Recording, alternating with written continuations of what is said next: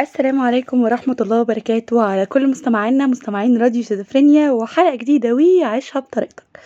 حلقة الأسبوع اللي فات اتكلمنا عن الثانوية العامة.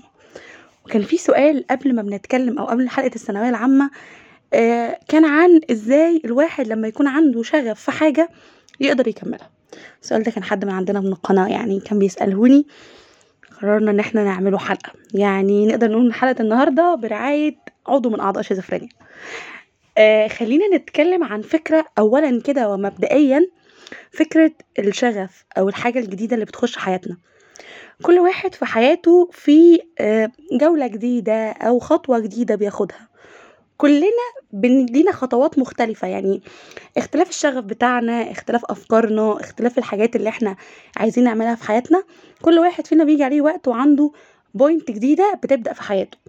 وال point دي بتكون دايما في وراها استبات كتير قوي لازم ياخدها عشان يثبت إن هو قدر يوصل لل point دي أو قدر ياخد النقطة دي. طيب هل الكلام ده نقدر نقول إنه يختص أو يعني ياخد بالمجمل كمان الدراسة؟ ده بدون أي كلام. أكيد الدراسة جزء من الحاجات أو جزء من النقط اللي إحنا هنتكلم عليها في موضوع النهاردة اللي هو الشغف. زي ما كل واحد فينا عنده بوينت جديدة بيبقى عايز يخلصها الدراسة من أهم وأكبر النقط اللي لازم ناخدها ونخلصها. أول السنة كلنا بنقول إحنا عندنا آه، قدرة إن إحنا ناخد محاضرة بمحاضرتها ونذاكر آه، الفصل بفصله والمنهج بمنهجه ومش هنكوم حاجة ومش هنوقف آه، الدنيا يبقى في حاجات متكومة علينا. ولكن بعد أسبوع في التاني شغفك في إنك تستمر في إنك تحضر محاضرات وتخلص مذاكرة أول بأول بيقل. ما بتبقاش عندك نفس الحماس لدرجة إن في ناس بتيجي عليها فترة في الجامعة يعني اللي هو إيه خلاص أنت عنده امتحان الصبح بس هو I don't care مش مهتم. عادي يبقى عندي امتحان الصبح. ممكن يفتح المادة قبل الامتحان بساعتين وساعات في المواصلات في الطريق. أنت متخيل؟ أنا عارف إن أنت متخيل عشان أنت ممكن تكون حد من الناس اللي مر عليهم مادة أو مادتين وممكن سنة أو ترم بتعمل نفس الحركة دي. طب المشكلة فين بقى؟ المشكلة بتكون في إن إحنا شغفنا أو حبنا للنقطة أو للحاجة اللي إحنا بنعملها دي بتكون قل بنسبة كبيرة جدا. ما بيكونش عندنا نفس الحماس ونفس ال- الشغف إن إحنا نكمل الحاجة بتاعتنا دي بنفس الشكل اللي كنا عايزين نبدأه بيه. فبنقرر إن إحنا يعني نتكاسل شوية. شوية الكسل الصغيرين أول ما بيتسرسبوا كده لدماغنا بيبقى وراه يعني سيل بقى من الكسل.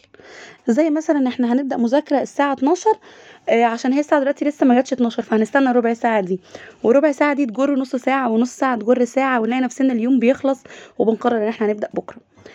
قلة شغفنا أو قلة حماسنا ناحية الحاجة اللي بنعملها بتكون هي السبب الأول والأخير إن الحاجة دي ما بتتمش أو ما بتكملش. وعشان إحنا ما عندناش ما عندناش نفس الروح بنتكاسل في الحاجة دي. المشكلة معروفة ويمكن كلنا عارفين المشكلة دي بس المشكلة بتكمن دايما في الحل. طب الحل إيه؟ إزاي أعالج مشكلة قلة الشغف اللي عندي في أي حاجة في أي شغل جديد في أي دراسة في أي حاجة جديدة في حياتي؟ إزاي أخلي نفسي من حد ما عندوش شغف zero شغف لحد مليان شغف وحماس إنه يعمل الحاجة اللي هيخشها ويخلصها ويعني ياخد بقى فيها ترقية أو ياخد فيها درجة أعلى أو ينجح فيها أو what بقى الحاجة دي شكلها عامل إزاي. اولا لما بنيجي نعمل حاجة إحنا بنحط زي خطوات أو زي صور وهمية للوقت اللي إحنا نخلص فيه الحاجة دي. يعني مثلا فصل بياخد ساعتين فإحنا بنقرر إن إحنا نخلصه في ساعة. وساعات في ناس بتقرر إن هي تخلصه في نص ساعة. يا مؤمن الفصل ياخد ساعتين يا عم هي نص ساعة زي الفل والفصل يخلص. إحنا بنحط نقط أو بنحط target نوصل فيه للحاجة دي وال target بيكون أقل جدا من المفروض ان إحنا ناخده. فللأسف بنضيع الموضوع بطريقة وحشة قوي. محتاجين دايما لما نيجي نحط target لأي حاجة في حياتنا ان إحنا نخلصها نبقى حاطين tar... ال target بتاعنا بشكل منطقي رقم واحد وقت منطقي انه هيخلص فيه. وكمان بيبقى عندنا شوية وقت لو حصل أي ظروف في الوقت دوت أو في ال target بتاعنا إن إحنا ما خلصناهوش يبقى إحنا لسه عندنا وقت زيادة. زي بالظبط فكرة المادة اللي قدامها سبعة أيام هي المادة ممكن تخلص في خمس أيام بس هما بيحطوا لك يومين اللي هو يعني لو حصلت ظرف عند حد أو حد مذاكرته بطيئة أو أو فالسبع أيام يكفوه. دي أول نقطة بتخلي دايما الفشل أو فقدان الشغف هو أول حاجة بنفكر فيها.